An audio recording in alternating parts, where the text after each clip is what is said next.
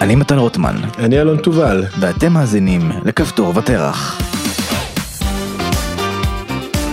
בפרק הזה נדבר על הניסיון למתן את הקיטוב בחברה הישראלית ובעולם בכלל.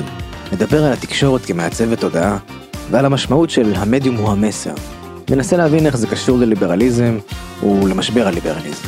קדימה, בואו נתחיל.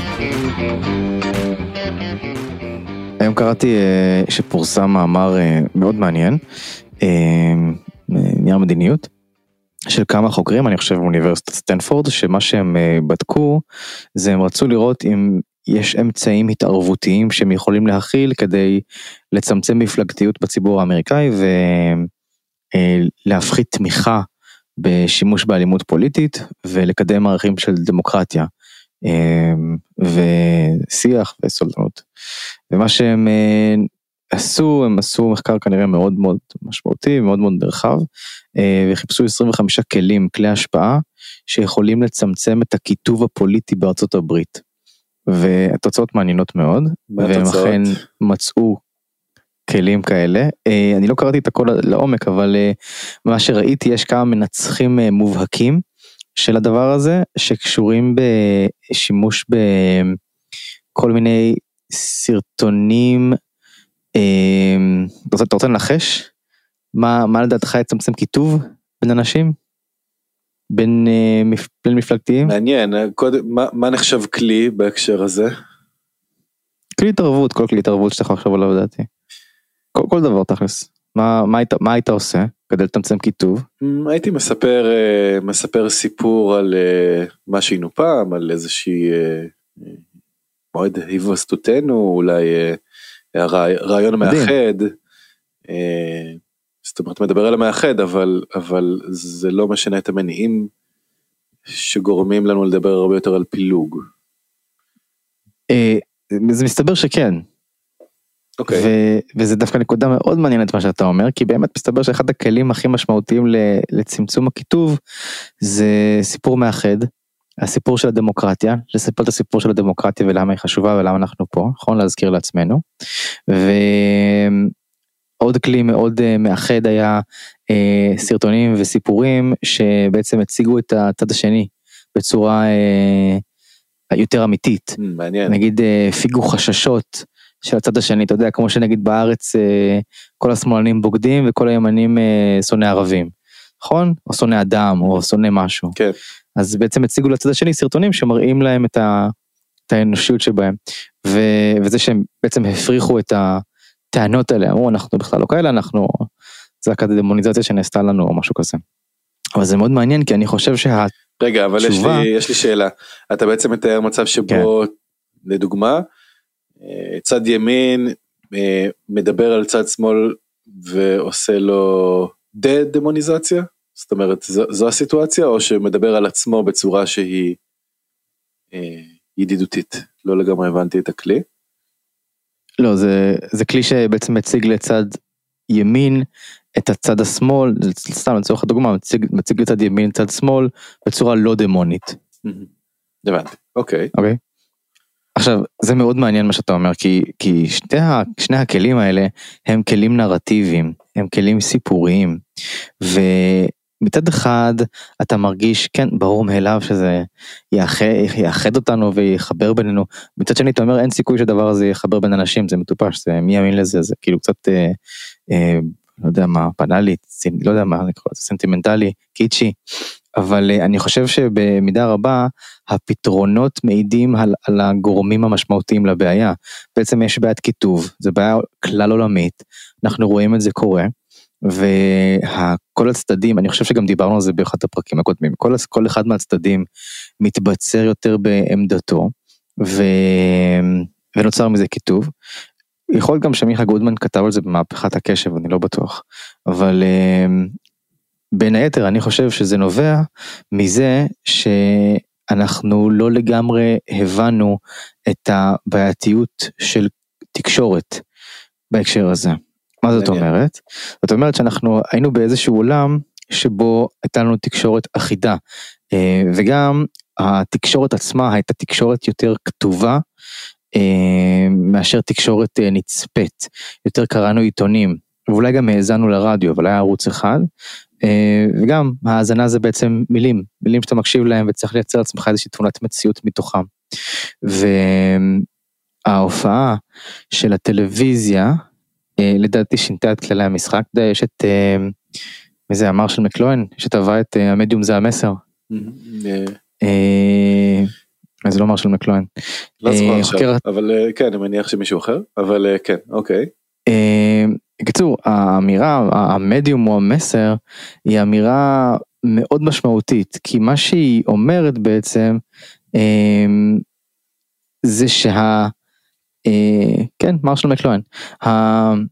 האמירה הזאת מה ש... זה חוקר תקשורת שאמר המדיום הוא המסר, מה זה בעצם אומר?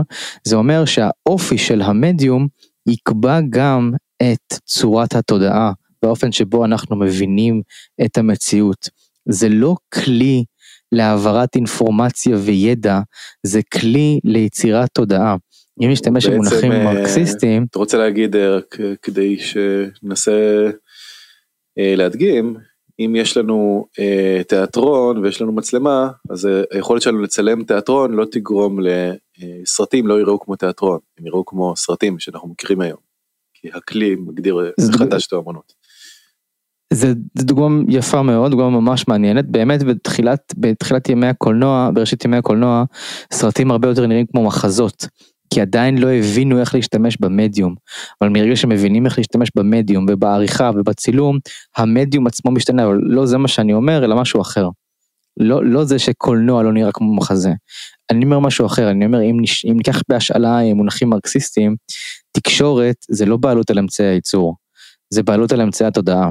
זה האופן שבו אתה חושב על העולם. אני אתן לך דוגמה. אמ, היה לי מרצה בתואר במדע המדינה שאמר, מרגע שמגיעה הטלוויזיה, מתחילה התפוררות של המפלגות. ולמה זה קורה? כי אי אפשר לצלם מפלגה, אפשר לצלם אנשים. מפלגה זה רעיון אבסטרקטי. זה רעיון אבסטרקטי שיכול לחיות בתוך מילה, כי מילים כתובות ומדוברות מסוגלות להכיל מטענים אה, אבסטרקטיים. אה, מופשטים, הם יכולים להכיל רעיונות קולקטיביים, אבל טלוויזיה יכולה לצלם אנשים, היא לא יכולה לצלם דברים שאינם, אפשר לראות, שאי אפשר לראות אותם, והיא מדיום מאוד חזק ומשמעותי. עכשיו, זה מעניין מאוד מה שאתה אומר, אני נותק... חושב גם אה, אפילו לחבר את זה לתופעה שאנחנו רואים אותה במלוא עוזה ממש, אה, בתקופה שלנו עכשיו, בתקופה הפוליטית בישראל, אתה שם לב שכשאתה מאזין לחדשות אה, או צופה בחדשות, אז הסיפורים, אם התחלת לדבר על סיפורים אה, שהם סיפורים מאחדים כי הם קולקטיביים, זאת אומרת הם מספרים סיפור mm-hmm. של קבוצה, אז mm-hmm. מה, מה אנחנו שומעים בעצם באופן שגרתי? בעיקר בעיקר רכילות. עכשיו רכילות זה באמת הסיפור של היחידים. יש לנו את האיש הרע, יש לנו את האיש אה, השקרן, אה, ואנחנו מנסים למצוא מי התכחן, מי זה שהפר את ההבטחה שלו, מי כן, זה שאנחנו... הכל אישי. ממש, הכל אישי הכל והכל אישי. רכילותי. הכל אישי. ובאמת אני לא יודע אם זה רכילותי אבל הכל, הכל חד משמעית אישי. נכון הכל אישי. סיפור אינדיבידואלי. תראה, יש הרבה סיפורים שאפשר לספר. אבל הכל אישי ובגלל זה השאלות הן אם היא תשב ואם היא לא תשב ולא השאלות מה, איך תקדם את מה שאתה רוצה לעשות. עם מי תשתף פעולה. נכון? זה לא, זה לא, אה, זה יותר כמו, אה, אה, זה, זה נובע משני דברים. רגע, אבל יש, נובע... לי, יש לי שאלה שנייה לפני כן, האם אתה מסכים עם האמירה שבעצם עברנו מסיפורים של הקבוצה או של רבים לסיפורים של היחידים או של היחיד? אני חושב שזו שאלה מצוינת, במידה מסוימת אז זה מעניין, כי כשאני חושב, כשאני חושב על שנות החמישים, יש ערוץ טלוויזיה אחת, יש הגמוניה מאוד חזקה, יש, אה, יש תחושה חזקה של ממלכתיות, וזה זה מושג, זה, זה מושג מעניין, אה, אני יודע שעמיחי דנינו חוקר אותו, אה, אולי נביא אותו לדבר פעם אחת פה, אדם מאוד מאוד מעניין, הוא חוקר את הנושא של ממלכתיות אה, רחבה וממלכתיות צרה. ובהקשר הזה ממלכתיות זה לעניין זה כרגע לא נפתח את הסוגריים יותר מדי זה אה, הדרך הנכונה איך נכון לחיות. אז יש איזושהי תחושה של משהו מאוד אה, אתה יודע משהו מאוד מלכד מצד אחד אבל בעצם מצד שני מאוד ריכוזי. ואז יש איזשהו או לא נרטיב ריכוזי, אלא. אפשר להגיד מפלה. זאת אומרת, אם אתה לא חלק מהכלל, אז אה, אין לך מקום. אין לך, אין לך פה, נכון? אתה לא יכול לפתוח את הפה בכלל. ואז מי, מי נעדר מהסיפור הקולקטיבי הזה? הפריפריה, המזרחים, הימנים, העולים, כאילו הם לא שם, הם, הם, הם שם רק, ב, רק, אם, רק אם הם מוכנים לשחק איזה משחק, נכון? ואז לאט לאט מתחילים לצוץ כל מיני חרכים וסדקים מהסיפור הזה שלא מצליח לאחות את, את הכלל. נכון? אתה רואה את זה בתרנגול כפרות של אה, אלי אמיר, ואתה רואה את זה אפילו בקופסה שחורה מנגד של עמוס עוז, רואים את זה בספרות באותה תקופה, שנות ה-70 מתחיל המשבר הזה, עד העלייה של אה, אה, אה, הליכוד לשלטון ב-77, שזה בעצם השיא של הדבר הזה, שזה הדור השני, כי הדור הראשון של המזרחים לצורך העניין מצביע מפא"י, אבל הדור השני מרגיש שכבר אין לו, אין לו קול, אין לו קול בסיפור הקולקטיבי הזה, ובד בבד אנחנו נחשפים יותר לעולם המערבי ויותר לשיטות הכלכליות של העולם המערבי ולתמריצים הכלכליים של העולם המערבי. שני הדברים האלה ביחד, מה שהם גורמים, הם גורמים לזה שהשוק יותר נפתח.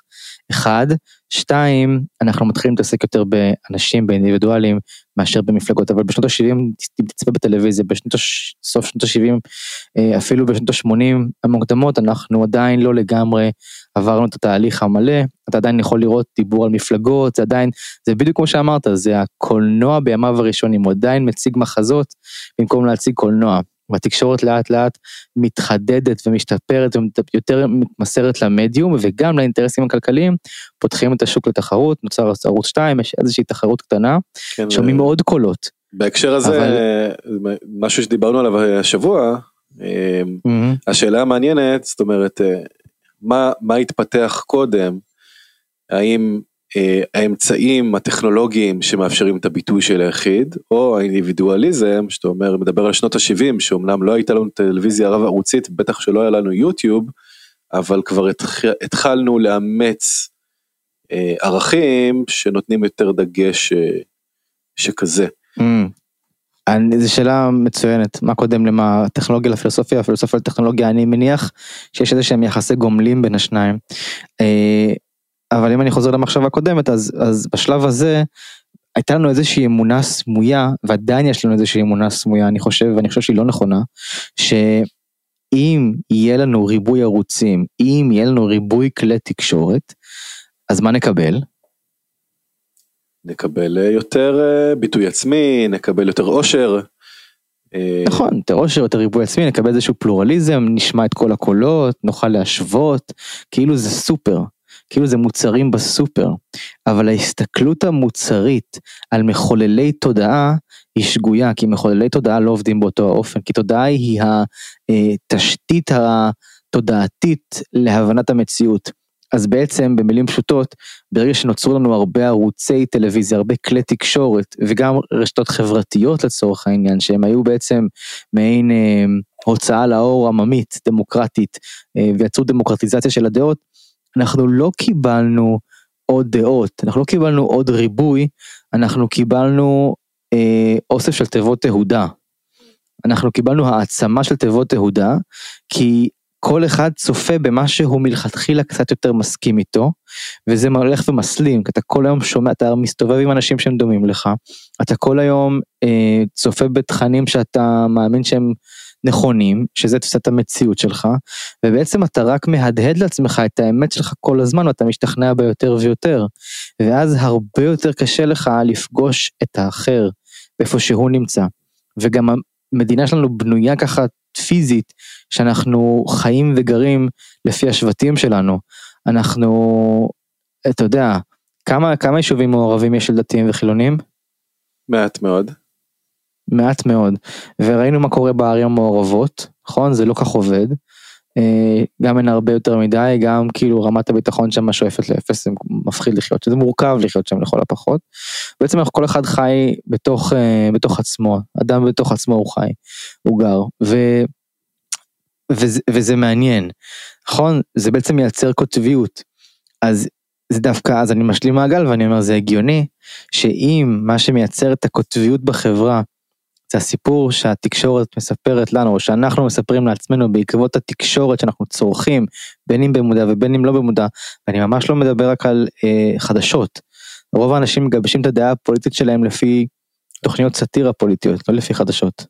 זה מספר אחוז ניכר של אנשים, למעלה, למעלה מ-70 אחוז דעתי, על פי סקר שעשו. הם מגבשים את דעתם הרבה יותר לפי ארץ נהדרת הרבה יותר משפיעה מ... צורכים את הדימויים הציבוריים שלהם בטח דרך אה, דרך נכון. זה אבל את הדעות הפוליטיות כנראה שמגבשים בבית. נכון רוב האנשים יש להם את הדעות הפוליטיות של ההורים שלהם הם לא משתנים מעטים משתנים ו... אבל הם מחזקים אותם את הדעות הספציפיות על, על נבחרי ציבור כאלה ואחרים מגבשים בדרך כלל מתוכניות כאלה ואחרות או כן. מקריאה של דברים כאלה ואחרים אבל זה בעיקר תוכן ויזואלי זה בעיקר תוכן שמגיע מהר אה, אפילו פייסבוק שהיא פלטפורמת אה, מילים אז אה, היא בירידה היא בדעיכה כמובן אבל גם היא כשהייתה בשיאה היא לא מעודדת מסרים ארוכים ומורכבים, כי היא לא בנויה ככה, כי המדיום הוא המסר אמרנו, נכון? ומה המדיום העיקרי של פייסבוק? זה הקונספט העיקרי של פייסבוק זה הפיד. ומה זה הפיד? הפיד זה צינור הזנה. זה איזשהו צינור שאין לו התחלה ואין לו סוף, מה שגורם לאנשים תמיד לחיות באיזשהו הווה נצחי ולקרוא מסרים קצרים של הווה נצחי. אז הם יושבים בתוך תיבת התעודה הזאת, הם צופים בתוכן של החברים שלהם, האלגוריתם מסנן להם דברים שהם פחות אוהבים, הם פחות אוהבים לשמוע דברים שהם לא מתכנסים לתפיסת העולם שלהם, יש פה איזושהי ספירלה כזאת שגורמת לאנשים אה, אה, להשתכנע יותר בדעות של עצמם, וזה ש... יותר מקטב. בעצם אתה אומר גם בסיפור תמיד יש אה, מימד של זמן זאת אומרת יש אה, מוקדם ומאוחר נכון ובמידה נכון. רבה כן ככל שאנחנו מתמקדים באני אז המימד mm-hmm. של הזמן הזה אפשר לומר אפילו להרחיק לכת ולומר הרב דוריות המרחק מהתולדה אל במעבר אל ההולדה הדבר התופעה הזאת נעלמת ואז אנחנו מקבלים לא סיפורים, אנחנו מקבלים סוג של חוויות, או איזושהי חוויה אה, של הווה מתמשך, כמו סיפור, שאתה איזשהו, איזשהו, מתאר כן, אותה. איזשהו סיפור על, זה, זה, זה נקודה מעולה שאני לא חשבתי עליה, אבל זו נקודה ממש ממש טובה. אה, כל התפיסה של יולו, you only live once, וכל הזה, חי את הרגע, עכשיו הוא הנצחי, כל התנועה הזאת, כל הדבר הזה שמתבטא בכל מיני דברים, זה לגמרי יישום של הנרטיב של העצמי. שאינו מחובר לאחרים, שהוא אוטונומי לבדו. אמ, לחלוטין אפילו אני אעצור אותך לשנייה, אני אגיד לך למשל פרספקטיבה שלי התקבלה באיזושהי אמירה משעשעת, היה אה, לי מורה רן ברץ, אה, שהוא פעם שמע את המשפט, אה, אתה חרק פעם אחת, זאת אומרת מה המסקנה, אתה חרק פעם אחת, אז קדימה, בוא תחווה את כל מה שאפשר לחוות. אז הוא אמר, טוב, אתה חי רק פעם אחת, למה לבזבז את זה על שטויות? עכשיו, זאת פרספקטיבה אחרת, כי מה זה שטויות? שטויות זה משהו שיפוטי. זאת אומרת שיש לנו שיפוט נכון. חיצוני של מישהו מוקדם ומישהו מאוחר שאומר לנו, אוקיי, אה, אה. זה, המעשים שלך יישפטו כשטויות. אם אין שיפור, כן. אם אין את המרחב נכון. הזמן, אז אין שטויות. אין גם, כן, נכון. אין דבר כזה. נכון. יש, אה, אני לא זוכר מי אמר, אבל אה, ניסו להבין למה אה, שיעור הילודה כל כך נמוך בארצות אירופה ולעומת ישראל ששיעור הילודה מאוד גבוה. ואז שאלו נשים או אנשים באירופה למה הם לא מביאים ילדים. אז הם אמרו בשביל הגשמה עצמית. ואז שאלו אנשים בישראל למה אתם מביאים ילדים? אמרו בשביל הגשמה עצמית. זה אותו דבר כי זה, זה הסיפור שאנחנו מספרים לעצמנו. אני, ואני לא יכול כאילו אין לי יותר מילים כדי להדגיש כמה נרטיב זה דבר הרבה יותר רב עוצמה משנדמה לנו.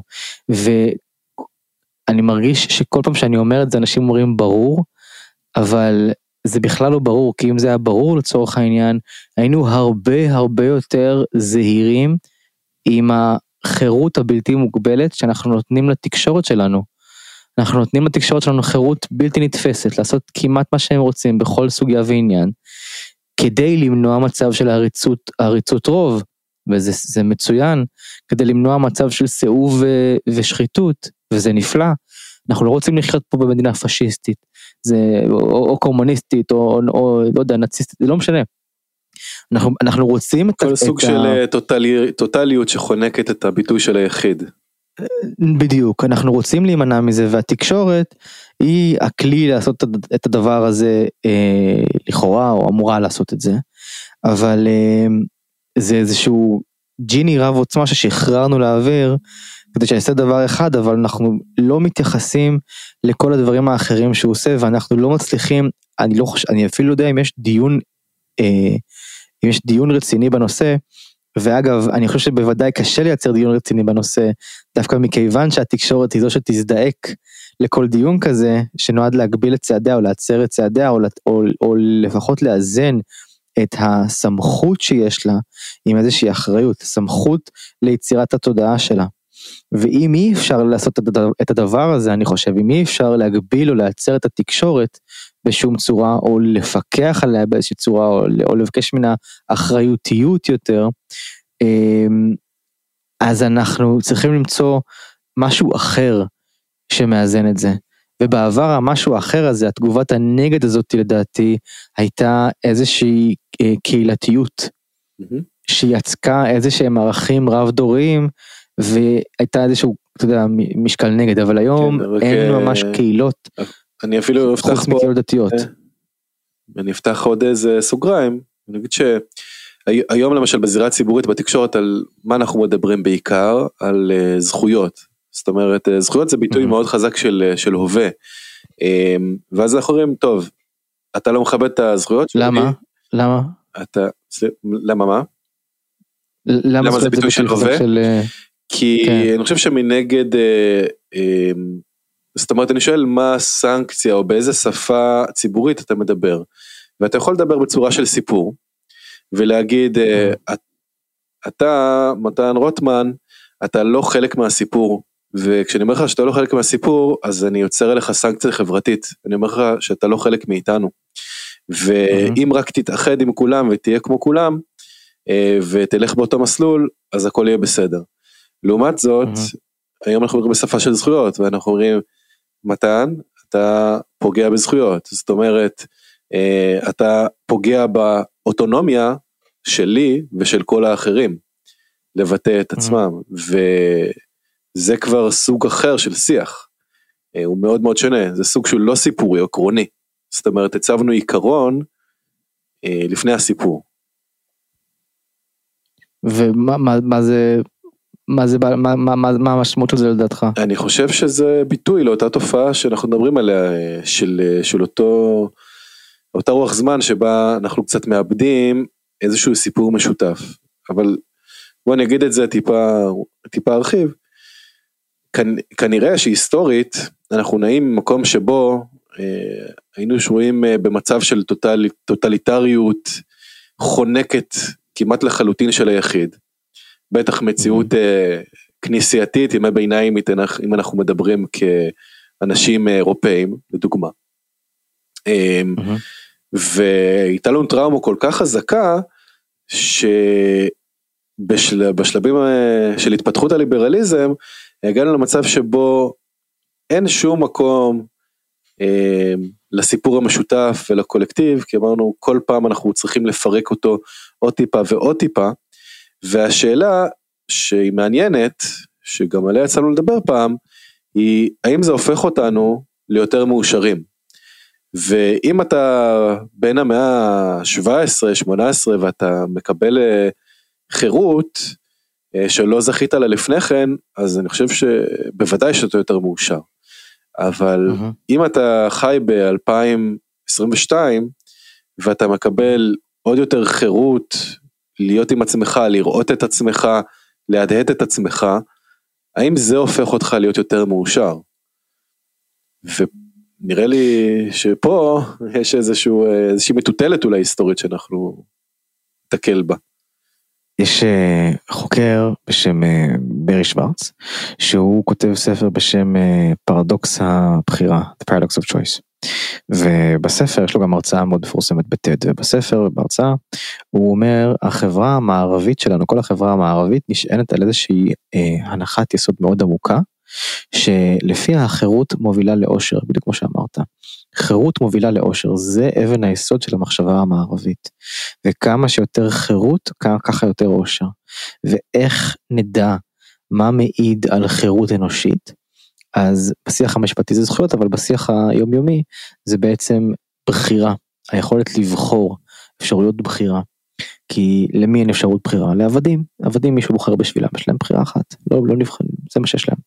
אבל ככל שיש לך יותר בחירה ביותר אפשרויות, ככה אתה יותר בן חורין, ככל שאתה יותר בן חורין, ככה אתה יותר מאושר. ומה שהוא מראה בשיטתיות בכל מיני דברים, החל ממוצרי צריכה בחיים שלנו ודרך אה, בחירות שונות בחיים שלנו, גם בחירת זוגיות וקריירה, הוא מראה שריבוי הבחירה למעשה אה, עובד באופן מנוגד לאופן שבו המוח שלנו עובד, בהכללה גסה, ושזה רק מייצר אומללות ריבוי הבחירה. יותר מדי בחירה מייצרת אומללות. עכשיו, ברור לנו שאפס בחירה היא גם אומללה מאוד, אבל אה, כמה שיותר בחירה, כמה שיותר אפשרויות, השפע הוא קללה. ובהקשר הזה אפשר לכנות את, ה, את התופעה הזאת כמשבר הליברליזם. זה בעצם הבנה, החלחול להבנה האיטית. אני חושב שמדברים על זה הרבה, והרבה מאיתנו מבינים שהליברליזם אה, במובן הזה של יותר חירות שווה יותר עושר, מאכזב. זה לא נכון. הוא מאכזב, זה לא נכון, זה לא עובד, זה, זה מייצר, אה, זה, מעלה את, זה מעלה את רמת הגירושין, זה מייצר יותר אומללות בעולם, אה, וזה בשילוב של עוד כל מיני דברים, כל מיני תנועות פילוסופיות כאלה ואחרות, פשוט מפורר את האדם. אני רוצה לקחת את מה שאתה אומר, אה, אפילו עוד צעד קדימה, דיברת עכשיו על דקונסטרוקציה, כן, פירוק האדם, למה זה קורה? אני רוצה לנסח איזושהי הצעה, כי מה מגדיר אותנו כשאנחנו מעצבים את עצמנו, את החיים שלנו, מה מגדיר אותנו בתור בני אדם? בסוף מה שמגדיר אותנו מהמילה גדר, אה, איזשהו גבול, זה דווקא איזושהי מגבלה, זאת אומרת זה מגבלה של זמן, של מקום, של הקשר, mm-hmm. למי נולדנו, אה, ובהקשר הזה למשל כשאנחנו מדברים על שוויון הזדמנויות, הרבה פעמים אנחנו בעצם מנסים להשוות גם את ה... זאת אומרת מה הרקע שלנו. אם הגעתי מרקע mm-hmm. כזה או אחר, אני, השאיפה שלי בתור ליברל, לטשטש את זה כמה mm-hmm. שיותר, כי בסוף הייתי רוצה אה, שכולם יגידו אותן אה, תוצאות, אני רוצה למחוק ככל הניתן תוצאות ההקשר, אבל ככל שיש לנו יותר בחירה ופחות מגבלות, ככה יותר קשה לנו לעצב את מי אנחנו באמת, זאת אומרת איפה אנחנו נמצאים, מה ההקשר שלנו. אה, ואנחנו הופכים להיות, אנחנו בציר שבין זהות מוחלטת, נטולת כל תנועה, אה, עבדות, לבין אה, שיא וריבוי בלתי נגמר של אפשרויות שלא מאפשר לנו לגבש זהות, כי כל הזמן אנחנו חושבים שאנחנו רוצים להיות הכל. נכון, ואתה לא יכול להיות הכל. אה, נתן שרנסקי קורא לזה סופרמרקט של, אה, של זהויות בספר שלו. אה, בזכות הזהות, הספר האחרון שלו בזכות הזהות, אז הוא מדבר על הסופרמרקט של הזהויות והוא אומר שזה לא מוביל לזהות חזקה יותר, זה מוביל לזהות חלשה יותר. באמת כי אתה לא, קשה מאוד להתעצב אם אין לך גדרות, אם אין לך סוף, אם הכל אפשרי, אם הכל קיים, זה מאוד קשה.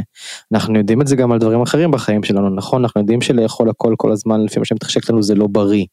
אנחנו יודעים שאנחנו תמיד צריכים גבולות, אבל, אבל זה, זה נראה לי אתה יודע, יש הרבה שיח על זה, וזה, וזה מובן ברמה האנושית האישית אולי, אבל אנחנו, זה לא נראה שאנחנו עושים שום דבר כדי לחשוב רגע מחדש על המוסדות הפוליטיים והחברתיים שמקיפים אותנו, על תפקידם ועל המבנה שלהם ויחסי הגומלין בינם לבין אחרים, כדי להתאים להבנות שלנו על האדם.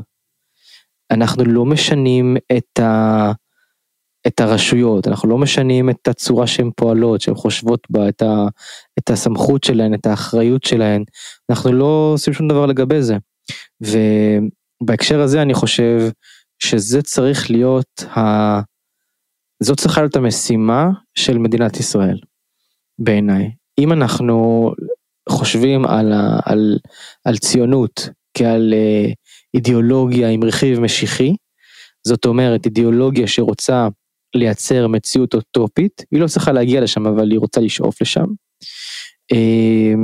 כדי שישראל תהיה כדברי בן גוריון אור לגויים, שזה שיבוש שלו, זה לא קיים במקרא הרי אור לגויים, אה, לא ככה, שזה קיים? בעצם, אה, אני לא זוכר את הציטוט המדויק אבל נבדוק את זה לפרק הבא. כן, נבדוק את זה. אין אור לגויים, אין דבר כזה. אה, יש, כאילו זה משהו שבן גוריון המציא אבל. אה, אני חושב שזה היה אור בגויים או משהו כזה. אבל זה לא אור לגויים. אה,